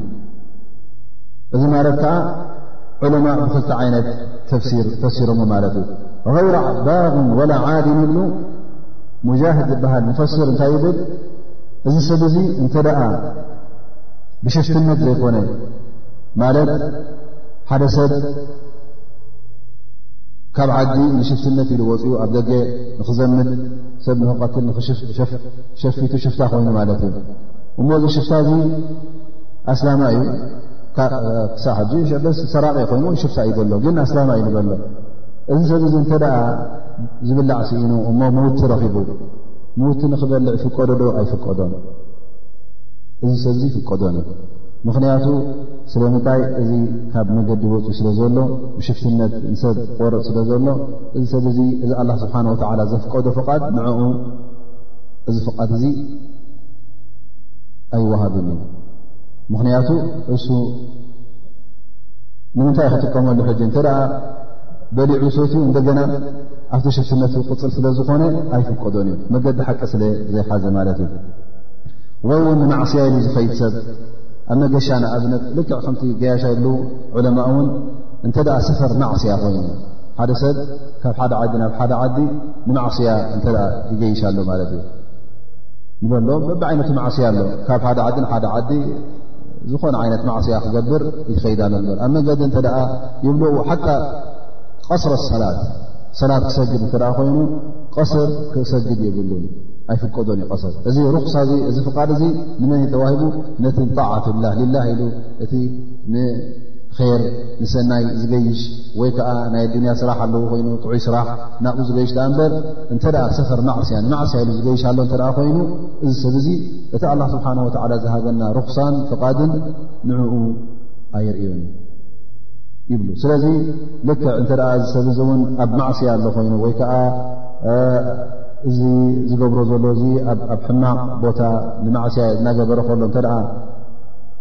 ተገዲዱ ወይ ከዓ እንተ ጠምዩ እሞ ብጀካ ምዉት ወይ ከዓ ብጀካ ላሕመል ከንዚር ወይ ከዓ ሓራም ዘብኡ ብጀክኡ እንተ ዘይረኸበ ሰብ እዙ ነዚ ኣላ ስብሓን ወተዓላ ሂቡካ ዘሎ ርኽሳ ፍቓድ ክጥቀመሉ የብሉን ይብሉ እዚ ሓደ ዓይነት ተፍሲር ሂቦሞ ማለት እዩ ካልእ ዕለማ ድማ ይብሉ غይረ ባቒን ማለት ነቲ ዝተዋህበ ፍቓድ ማለት ንምዉቲ ንክበልዕ ፍቓድ ተዋሂቡ ወይ ከዓ ላሕመል ከንዚር ይኹን ነቲ ሓራም ሓራም ዘብኡ ንዕኡ ንክበልዕ ተፈቒዱ ተገዲዱ ተፈቕደሉስ ከም ሓላል ገይሩ ክሪኦ የብሉን እንታይ ደኣ ሓራም ከም ምኳኑ ክኣምን ኣለዎ ግን ክበልዕ ከሎ ከም ፍቓድ ተዋሂቡ ፍቓድ ኮይኑ ወይ ዝበልዕ ዘሎ እምበር ሓላል ኢሉ ክኣምን የብሉን ይብሉ እዚ ካልእ ዓይነት ተፍሲር ማለት እዩ ካልኦት ድማ ይብሉ غይረ ባቕን ወላ ዓድን ማለት ኣብቲ በላልዓናቱ ክጥንቀቕ ኣለዎ ንዕኡ ዝዐንግሎ ክበልዕ ኣለዎ እኽል ዝኾነ ንዑ ካብቲ ተዋሂቦዎ ዘሎ ንኣብነት ሕጂ ሓራም እንድያ ዘላ እዛ ናይ ላሕመ ክንዚር ስጋ ናይ ሓሰማ ረኺቡ ንበል ካልእ ብልዒ ስኢኑ ጠብ እንተ ገሪፍዋ እዚኣ ክፀንሕ ኣይክእልን እዩ እሞ እንታይ ይግበር እዚ ሰብ እዚ እታ ንዕኡ ትዕንግሎ ክልታ ንዑ ትዕንግሎ ይብልዕ ዳኣ እምበር ሕጅስ ዕድል ረኺበ ኣለኹ ኢሉ ብዝከኣሎ ክልተ ሰለስተ መዓልቲ እሞ ብዚኣ ክቐኒ እሞ ፅቡቕ ገይረ ክበልዕ ኢሉ ኮፍ ክብል ክቐኒ ማለት ካብቲ ንዕኡ ዘድልዮ ዝያዳ ክበልዕ የብሉ ተን ኣድላይ ዝኾና ንዕኣን ክወስድ ኣለዎ ይብሉ ከምኡ ውን ካልእ ሓላል ንክረክብ ክእለት እንተ ኣሎ ኮይኑ ናብቲ ሓራም ክዛዙ የብሉን እንታይ ደኣ ነቲ ሓራም ገዲፉ ናፍቲ ሓላል ክደሊ ኣለዎ እተ ዕድል ኣሎ ኮይኑ ተስፋ ኣሎ ኮይኑ ክፅበ ኣለዎ ወይ ከዓ ክደሊ ኣለዎ ስለዚ እቲ ሃሚ ናቱ እቲ ቐንዲ ሓሳብ ናቱ እንታይ ክኸውን ኣለዎ ማለት እዩ መጀመርያ እቲ ሓላል ክደሊ ኣለዎ እተ ተሳኢኑ ኸላስ ፈፂሙ ዘይተረኸበ ታሓራም ፍቀዶ ማለት እዩ ሓንቲ መስኣላ ድማ ኣላ ይብሉ ሓደ ሰብ ፀሚኡ ዝበልዖ ስኢኑ ክልተ ምርጫ ድማ ኣለዋ ወይ ካብቲ ሓራም ማለት ወይ ላሕም ሞት ወይ ከዓ ስጋ ሓሰማ ክበልዕ ወይ እውን ኣማና ዝሃቦ ገንዘብ ነይሩ እሞ ከዓ እቲ ኣማና ዝሃቦ ድማ ገንዘብ ዚአን ገንዘብ ዚአን ኣይተቕረበለ ይልዎ ወይ ከዓ ዝናተ እዩ ሞኒ ወይ ከዓ ናይ ሰብ ገንዘብ ኣሎ ንበል ንብረት ኣሎ ንበል ሕጂ ክልተ ምርጫ ኣለዎ ወይ ካብዚ ሓራም ዝኾነ ካብ መይት ይኹን ወይ ውን ካብ ስጋ ሓሰማ ክበልዕ ወይ ውን ካብቲ ናይቲ ናይ ሰብ ወይ ከዓ ብሓይሊ ዘሚቱ መንዚዑ ንበሎ ግን ከይተጓድዐ ከሎ ከይቀተሉ ከሎ ከይሃሰየ ከሎ ኣይናየን ይመርፅ ኣይናየን ገብር ኣብ ሸርዒ ስምና ኣይናየን ተገበር ሓይሽ ፈትዋ ንገርና ካባኹም ሕጂ ክልተ ምርጫ ተረ ወይ ሓንቲ ንበል ሞትን ወይ ስጋ ሓሰማን ብዝለዋ እዚአን ረኪቡ ወይ ከዓ ናይ ሰብ ገንዘብ ኣሎ በዚ ናይ ሰብ ንብረት እሞ ካብሰብ እዚ መንዚዑ ክወስድ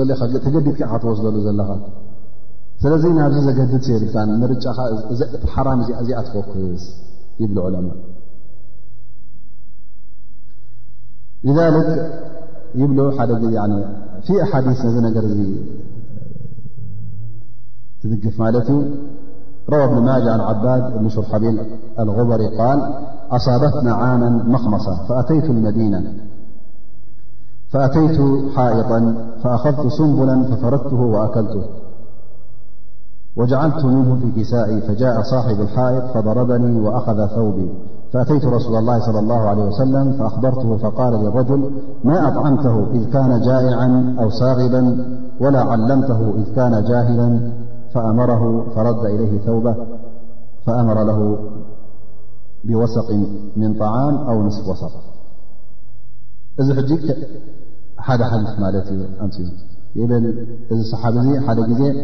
ኣብ መዲና ጥሜት ነይሩ ማለት እዩ ብልዒ ውሒዱ ተሳኢኑ ነይሩ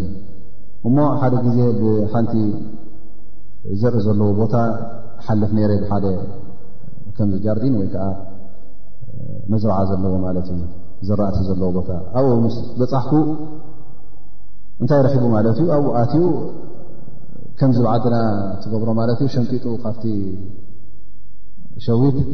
ሓስዩ ሓስዩ ጎሲሙ ጎሲሙ ገድፎ ኣሎ ጥዒሞ ሰብ እዚ ድማ ቁርፅ ቁርፅ ኣቢሉ እውን ታ ኣንሰሎ ውፅ ኣቢሉ ምላ ኣቢልዎ ተሰኪሙ ከይድ ጀሚሩ ማለት እዩ ፈትዋና ይርዮ ኣሎ ይትኸይድ ኣናካይዶ ዒ ዘምፅኡ ይሕድጎ ማለት እዩ ይፃረፎ ይሃርሞ እቲ ኣሲቦ ዝነበረ ዘዊትን ክሉ ኣሕዲጉ ማለት እዩ ኪድ ይብሎ ሰጎ ማለት እዩ እናኸደ እናጎየ ናብ ነቢና ሙሓመድ ለ ላ ለ ወሰለም ይኸይድ ማለት እዩ ያ ረሱላ ላ ብረኹም ቶም ተረኺብሮም መዓልቶም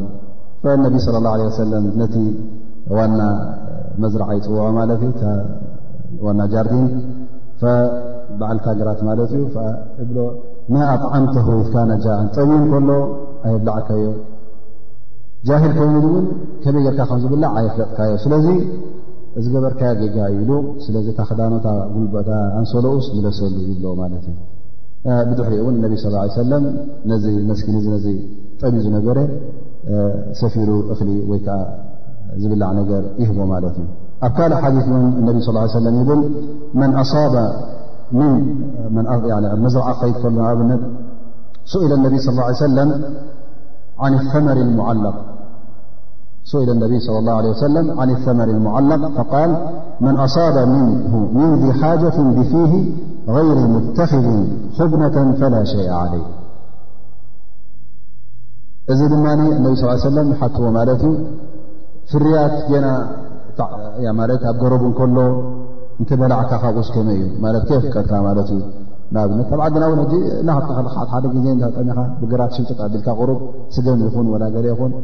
ኣስሒትያ ብካ ትጉስን እያ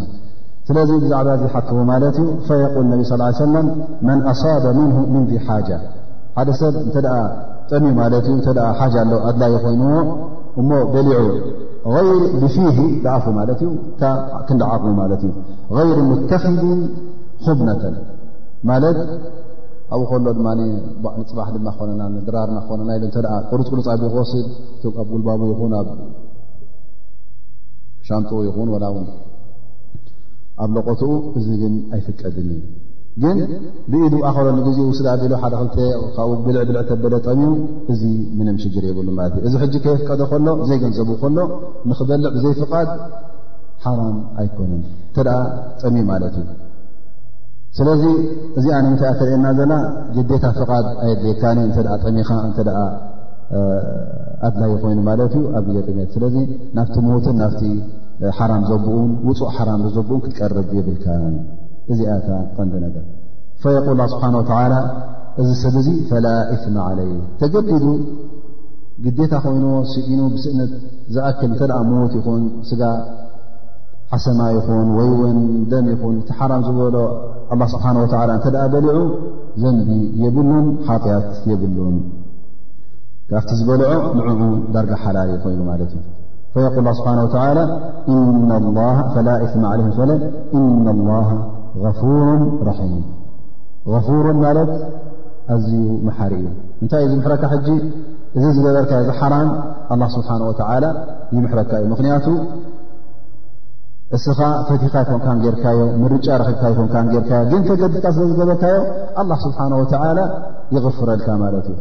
ኣላ ስብሓን ወተዓላ ኣይሓስበካን እዩ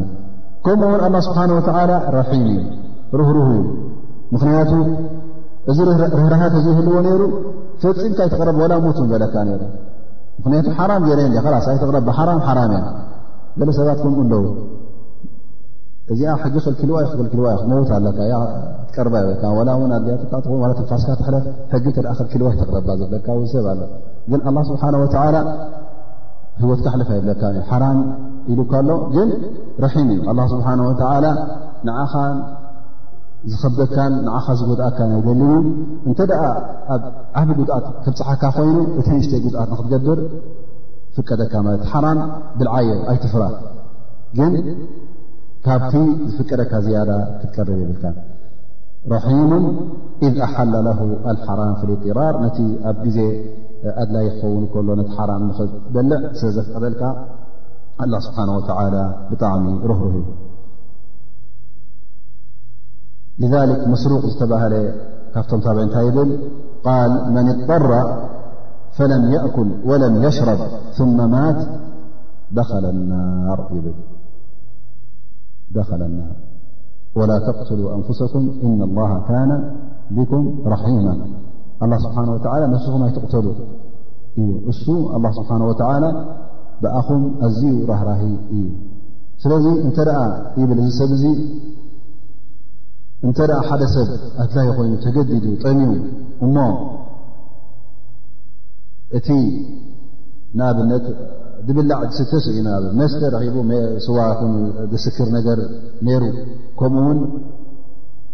ሓራም ዝኾነ ስጋ ብሓላል ዘይተሓርደ ወላ ውን ወማ ሂላ ንغይር ላ ላ ውን ሰነም ኢሉ ንምስሊ ኢሉ ዝተሓርደ ንበል በቢ ዓይነቱ ሓራም ዝኾነ እዚ ብልዒ ዚ ጥራይ ነይሩ እሞ እንተገደፈ ነዚ ብልዒ ነዚ ነፍሰ እንተገደፈ ክመውት እዩ እንተ በልዐ ድማ ሓራም ኮይኑዎ ይብል ኣሎ እዚ ሰብ እዚ እንተ ኣነስ ብፅሩየይ ክመውት ብንፁሀይ ክመውት ኢሉ እተ መሪፁ እተ ሞይቱ እዚ ሰብ እዚ ነፍሱ ዝቐተለ ማለት እዩ ሓዊ ጃሃንም እዩ ዝኣት ኢሉ ተዛሪቡ ማለት እዩ ምኽንያቱ ኣላ ስብሓን ወተላ ዘፍቀደልካ ስለምንታይ ትገድፎ ትንፋስካ ኣሕልፍ ኣይበለካ እዎ ሓራም ኢሉ ክትኸልከል ተባሂልካ ኣለካ ግን ትንፋስካ ኣሕልፍ ስለ ዘይበለካ ስለዚ ኣብ ገለገለ ሰዓታት እዚ ፍቓድ እዚ ዋጅብ ይኸውን ግዴታ ይኸውን እቲ ካብቲ ሓራም ክትበልዕ ኣብ ግዜ እጥራር ፍቓድ ወይ ርኽሳ ኢልና ኣለና ግን ሓደሓደ ግዜ እውን ዋጅብ ይኸውን እተ ሞት ክትመፅያ የጅቡ ዓለይክ ትግደድ ይሃ ክትበልዕ ልክዕ ከም ፈርዲ ከም ዋጅብ እዩ ዝቁፅር ምክንያቱ እንተ ዘይበላዕካ እቲ ዝዓበየ ጉድኣት ስለ ዝርከብ ነፍስኻ ስለ ትሓልፍ ንስኻ ስለ ትመውት ወይ ውን ሞቶ ዘይመፀ እተ ካልእ ጉድኣት ዝመፀካ ኮይኑ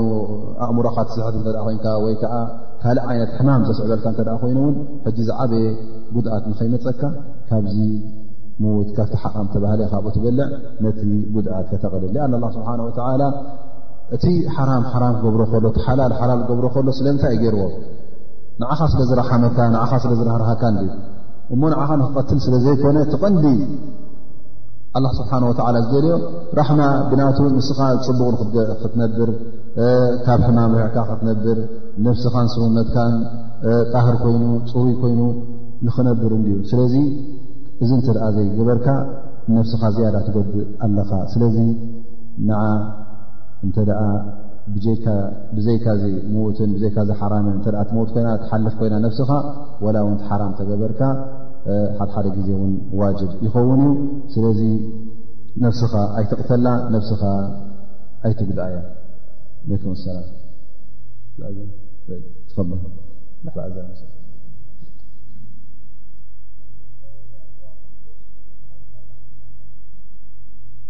ና ሕቶ ፅቡቕ ሕቶ ማለት እዩ ሓደሓደ ግዜ ጥራይ ናይ ስጋ ሓሰማ እውን ኣይኮነን ካልእ እውን ክርከብ ይኽእል ማለት እዩ ስጋ ሓሰማ ይኹን ወይ ውን ንኣብነት ኣለውን ፈውሲ ኣዝማ ዝብልዎ ደም ናይ ገለ ካብ ታሽ ማለት እዮም ናይ በራሪ እንስሳታት ኣለዉ ደም ናቶም ተሰተኻ ውን ኣዝማ ትገድፈካ ይብሉ ወይ ከምዝኣመሰለ ኣለውን ሓደ ዓይነት መስተ ውን ገለ ሕማም ዘለዎ ሰብ ካብኡ ስተ ብኡ ጌርካ ውን ተሓፀብ ዝብሉካ ኣለዉ እዚ ብዙሕ ዓይነት ኣሎ ማለት እዩ ላ ስብሓን ወተላ ዝኾነ ይኹን ሕማም ማ ጀዓል ዝኾነ ይኹን ሕማም ኣላ ስብሓን ወተላ ፈውሲ ገይሩ ዩ እቲ ፈውሲ ድማ ኩሉ ግዜ ብሓላል ክትፈወስ እዩ ዘለካ ደኣ እምበር ብሓራም ፈፂምካ ክትፍወስ የብልካ እቲ ኣላ ስብሓን ወተላ ሓሊልዎ ዘሎ እሱ ብዙሕ እዩ ብጀካ ውን ካልእ ነገር ካብ ጠቢብ ሕጂ ጠቢብ ናይ ግድን ኣይኮነ ስጋሓሰማ መን ኢሉካ ስጋሓሰማ ጥራይ ፈውሲ ካልእ ፈውሲ ኣሎ መሊኡ ኣሎ ዱዓ ኣሎ ዝክሪ ኣሎ ብክታብ ቁርን ጌርካ ብሱና ነቢ ጌርካ ዝግበር ዱዓታት ኣሎ ጠቢብ ብኡታት ክወፅእ ይኽእል እዩ እሞ እቲ ኣብ ዓድና ብጅህሊ ስለ ዝገብርዎ ዝነበሩ ስለዚ ኣብ ቦታትና ዘፅንሑነልካ ክትክተብቲ ዘይኮይኑ ፍቁድ ኣይኮነ ስጋ ሓሰማ ይኹን ዝኾነ ይኹን ሕማም ዘለዎ ሰብ እንተ ፈውስኻ ኣብ ሓራን እዩ እተ ተባሂሉ ክኣምን የብሉን ኣ ስብሓ ማ ኣንዘለ ላ ዳኣ ኢላ ኣንዘለ ለ ደዋ ዝኾነ ይኹን እዚ ነቢና ሓመድ ስ ሰለም ዝበልዎ እዩ ኣላ ስብሓን ወላ ዝኾነ ይኹን ሕማም ዘውረዶ ንዕኡ ዝፍውስ ፈውሲ ኣውሪዱ እዩ ዝኾነ ሕማም ኣላ ስብሓን ወላ ፈውሲ ገር ምናልባሽ ስኻ ይፈለጥካያ ትኾን ትፈውሲ ዳኣ እምበር ወይ እውን ሸይጣን ኣታይሉካ ክኸውን ይኽእል እዩ ጥራይ ዘይኮነ ካልእ ሰባት እውን ኣብ ናይ ኣጅናን ዝኸዱ ኣለዉ ኣብ ናይ ጠበብቲ ዝኸዱ ኣለዉ ብጠቢብ ክፍወሱ ኣለዉ ብደም ዝፍወስ ብደም ዝጅለጡ ኣለዉ ብዙሕ ነገራት ኣሎ ብሓራም ክፍወሶ ይበዝሕ ኣብቲ ዓድና ከማ ናይ ምጉራዕ ኣሎ ከምዝበሉ ናይ ዛር ኣሎ ናይ ዕፍሪት ኣሎ መሊኡ ኣሎ እዚ ሕጂ ኩሉ ናይ ሸይጣን ነገር እዩ ስለዚ እንተ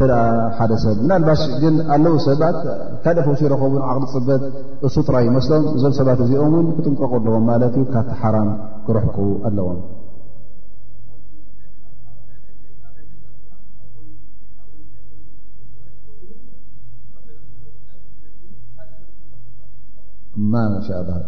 ፅብቕቲ ማለ እዚኣ እዚኣ ታ ቐንዲ ነገርታ መጀመርያ ዝበልና ኣርእስቲ ማለት እዩ ኩሉ እቲ ንሕና ንኽተሎን እቲ ንሕና ንቕበሎን ካብ ክታብ ረብን ካብ ሱና ረብን ዝፀናሓና ማለት እዩ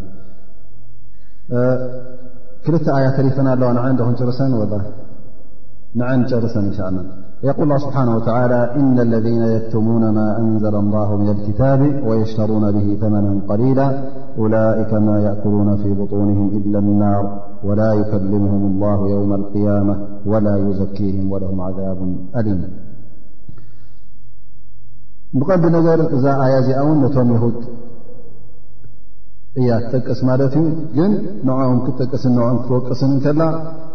ንኩላህና ውን ተርእየና ማለት እዩ እወሶም እዮም ብግብሪ ኣርእዮሞ ኣብ ግዜ ነቢና ሓመድ صለ ه ሰለ ን ገይሮሞ እዮም ማለት እዩ እዞም ሰባት እዚኦም ኣብቲ ግዜ ነቢና ሓመድ صለ ላه ለ ወሰለም ታሪኹን ስሙን ኩሉ ብዛዕባ ነቢና ሓመድ ص ሰለም እናፈለጡ ከለዉ እቲ ተዋሂቦሞ ወይ ከዓ እቲ ዝነበሮም ሽመት ንኸይጠፍዖም ብማለት እቶም ኣይሁዳውያን እዚ ነቢ ኣይኮነን ንሕና ኢና ንፈልጥ ኢሎም ነቢና ሓመድ ص ه ع ሰለም ከም ሓሳዊ ነቢ ገይሮም ይቆፅርዎ ነሮም ምክንያቱ ኣብቲ ግዜ እቲ ዓረብ እቶም ሰዲን እቶም ካብ ኣላ ስብሓን ወተላ ዝመፆም ዲን ኣይሁዳውያን እዮም ተባሂሎም ክብረት ነይርዎም ማለት እዩ ነቶም ኣይሁዳውያን የኽብርዎም ነሮም ነቶም ኣይሁዳውያን ንገፀ በረከት ዝኸውን ህያባት ይህብዎም ነሮም ማለት እዩ እዚ ንኸይተርፎም እዚ ህያባት እዚ እዚ ረኺቦሞ ዝነበሩ ሽመት እዚ ረኺቦሞ ዝነበሩ ገንዘብ ዝመፆም ዝነበረ ከም ህያብ መጠን ንዕኡ ንኸይተርፎም ብማለት እንታይ ይገብሩ ነይሮም ማለት እዩ ነቲ ሓቂ ይሓብዋ ነይሮም እነ ለذነ የክትሙና ማ ኣንዘረ ላሁ ምና ልክታብ ወየሽተሩነ ብሂ ተመና ቀሊላ ማለት ውሑድ ዋጋ ዝጠልብሉን ብውሑድ ዋጋ ዝልውጥዎን ማለት እዩ ምክንያቱ እዞም ሰባት እዚኦም እቲ ናይ ኣዱንያ ረብሓ እቲ ናይ ኣዱንያ ጥቕሚ ጥራይ ደልዮም ነቲ ሓቂ ሸፊኖም ሓቢኦምን እዚ ነቢ እዚ ናይ ብሓቂ ነቢ ኮነን ንሕና እውን ኣብቲ ክታብና ኣይረኽብናዮን ይብ ነይሮም እዚ ኩሉ እውን ሓስዮም እዮም ማለት እዩ ኣብቲ ክታቦም ብዛዕባ እስልምናን ብዛዕባ ነቢ ሙሓመድ ለ ላه ሰለም ዘሎ እፈልጥዎ ኣለዉ ግን እታ ናይ ኣዱንያ ረብሓ ንኸይተርፎም ብማለት እንታይ ገብሩ ኣለዉ ይሓብእዎ ነይሮም ማለት እዩ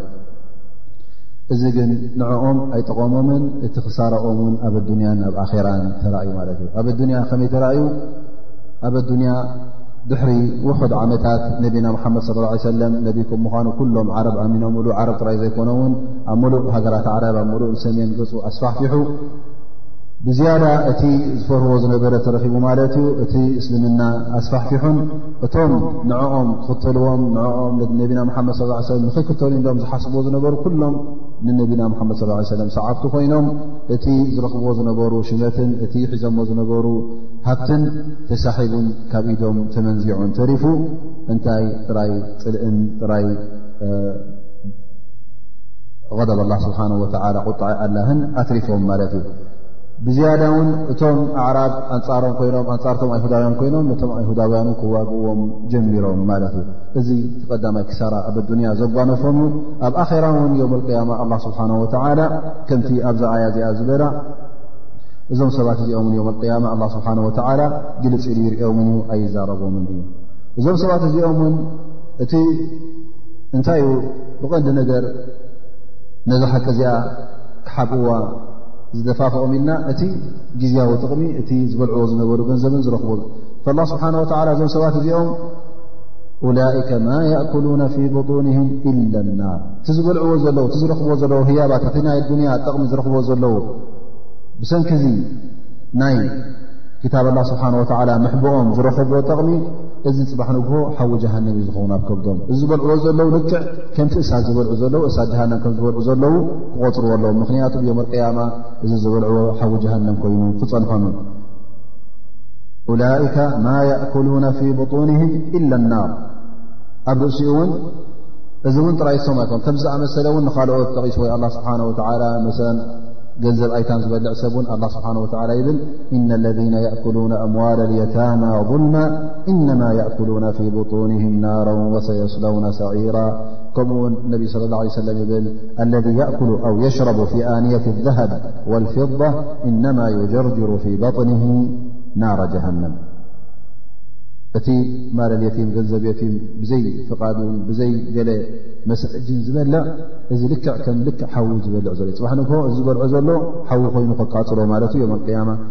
ንስኻታ ትገብዓ ዘለኻ ኩላሶ ሓዊ ትኹሉስ ከም ዘለኻ ርኣያ ጀሃንም ከም ትኽሉ ዘለኻ ምኽንያቱ ፅባሕ ንግሆ ኣብ ዮም ኣልቅያማ ሓዊ ኮይና ክትፀንሓካ እያ ከምኡ ውን ሓደ ሰብ እንተ ብማንካ ይኹን ብሸሓኒ ናይ ወርቂ ይኹን ብብሩር ዝተሰርሐ ማንካ ብሩር ዝተሰርሐ ሸሓንን ኣብኡ እንተ ዝበልእ ኮይኑ እዚ ጉዳይ እዚ ሓራም ስለ ዝኾነ ልክዕ ከም ዝኹሉሰን ዘሎ ብኣንገር ዝበልዐን ዘሎ ልክዕ ከም ሓዊ ጀሃንም ዝበልዕ ዘሎ ገይሩ ክቆፅሮ ኣለዎ ምኽንያቱ ፅባሕ ንግሆ ጀዛናቱ እቲ ሞሳናቱ ከዓ እንታይ ክኸውን እዩ ሓዊ ጀሃንም ስለ ዝኾነ ፈዞም ሰባት እዚኦም ኣላ ስብሓን ወተዓላ ቀዳማይ ነገር ዝበልዕዎ ሓዊ ኮይኑ እሳት ኮይኑ ክፀንሖም እዩ ኣብ ዮም ኣልቅያማ ኣላ ስብሓን ወተዓላ እውን ግልፅ ኣይብሎምን እዩ ኣይዛረቦምን እዩ ብጣዕሚ ክቁጣዕ እዩ ንዕኦም እውን ኣይንእዶም ሰናይ ኣየስምዖም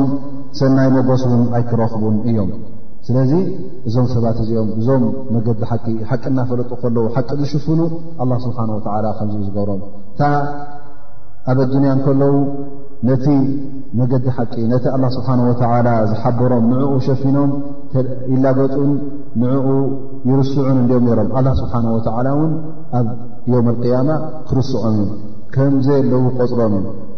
ትማሊ ኣብ ኣዱንያ ሶም ነቲ ትእዛዛት ኣላ ስብሓን ወተዓላ ከምዘይ ኣለ ቆፅርዎ ነይሮም ኣላ ስብሓን ወተዓላ ኣብ ዮም ኣልቅያማ እውን ግልፃ ኣይክብሎምን እዩ ከምዘይ ኣለዉ ክቆፅሮም እዩ እዞም ሰባት እዚኦም እውን ኡላይከ ለذነ ሽተረው ضላላة ብልሁዳ ወልዓዛብ ብልመغፍራ ፈማ ኣስበረሁም ዓላ ናር እዞም ሰባት እዚኦም ልክዕ ነቲ መገዲ ሓቂ ገዲፎም ኣብ ክንድኡ ብምንታይ ለዊጦሞ ብጥፍኣት ለዊጦሞ መገዲ ረቢ ብምንታይ ተለዊጡ ብመገዲ ሸይጣን ተለዊጡ ማለት እዩ መገዲ እስልምና ብመገዲ ክሕደት መገዲ ኢማን ብመገዲ ክሕደት ተለዊጡ ማለት እዩ ስለዚ እዚኦም ነቲ ሰናይ ብእከይ ስለ ዝለወጥዎ ኣብ ክንዲ ሰናይ እከይ ስለ ዝመረፁ ከምኡ ውን ነቲ መቕፊራ ነቲ ምሕረት ኣላ ስብሓን ወተዓላ ብስቓይ ጀሃንም ስለ ዝለወጥዎ ኣብቲ ስቓይ ጀሃንም ክኸዱ እዮም እሞ እዞም ሰባት እዚኦም እቲ ዝርኦም ሰብ ውን ብጣዕሚ ይግረም እዩ የል ፈማ ኣስበረም ዓላ ናር ተዓጀብ ኣለذ የራም ተዓጀብ ከመይ ገረም እዞም ሰባት እዚኦም ነዚ መገዲ እዚ መሪፆም ክመይ ገሮም እዮም ኣብ ሓዊ ጀሃንም ክሳዕ ክንዚ ሰብርን ትዕግስትን ገይሮም ኢሉ ይግረም ማለት እዩ ምክንያቱ እዞም ሰባት እዚኦም እናረእኻ ከለካ ሓደ ሰብ እናረእኻዮ ከለካ ኣብ መገዲ እከይ እናረኣየ ከሎ እናፈለጠ ከሎ መገዲ እከይ ክመርፅ እንከሎ እቲ ዝፅበዮ ዘሎ ዓዛብ እውን ዝፅበዮ ዘሎ ሰቃይ እውን ይፈልጦ ኣሎ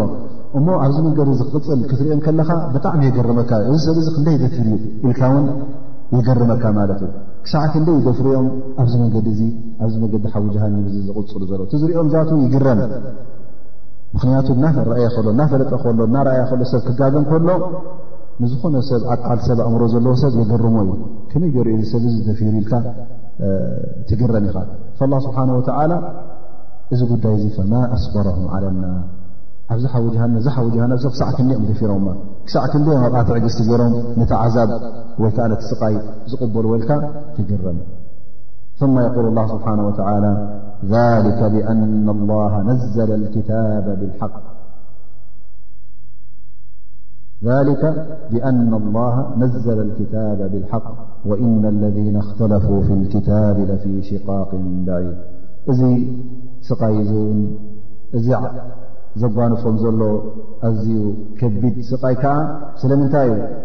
ኣን ላ ስብሓን ወላ እቲ ዘውረዶ ክታብ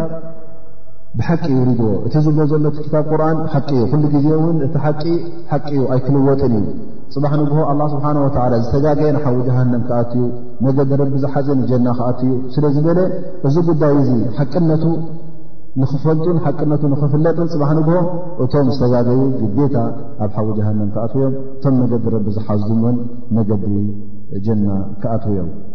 ስለዚ ኣላ ስብሓን ወተላ ነዞም ሰባት እዚኦም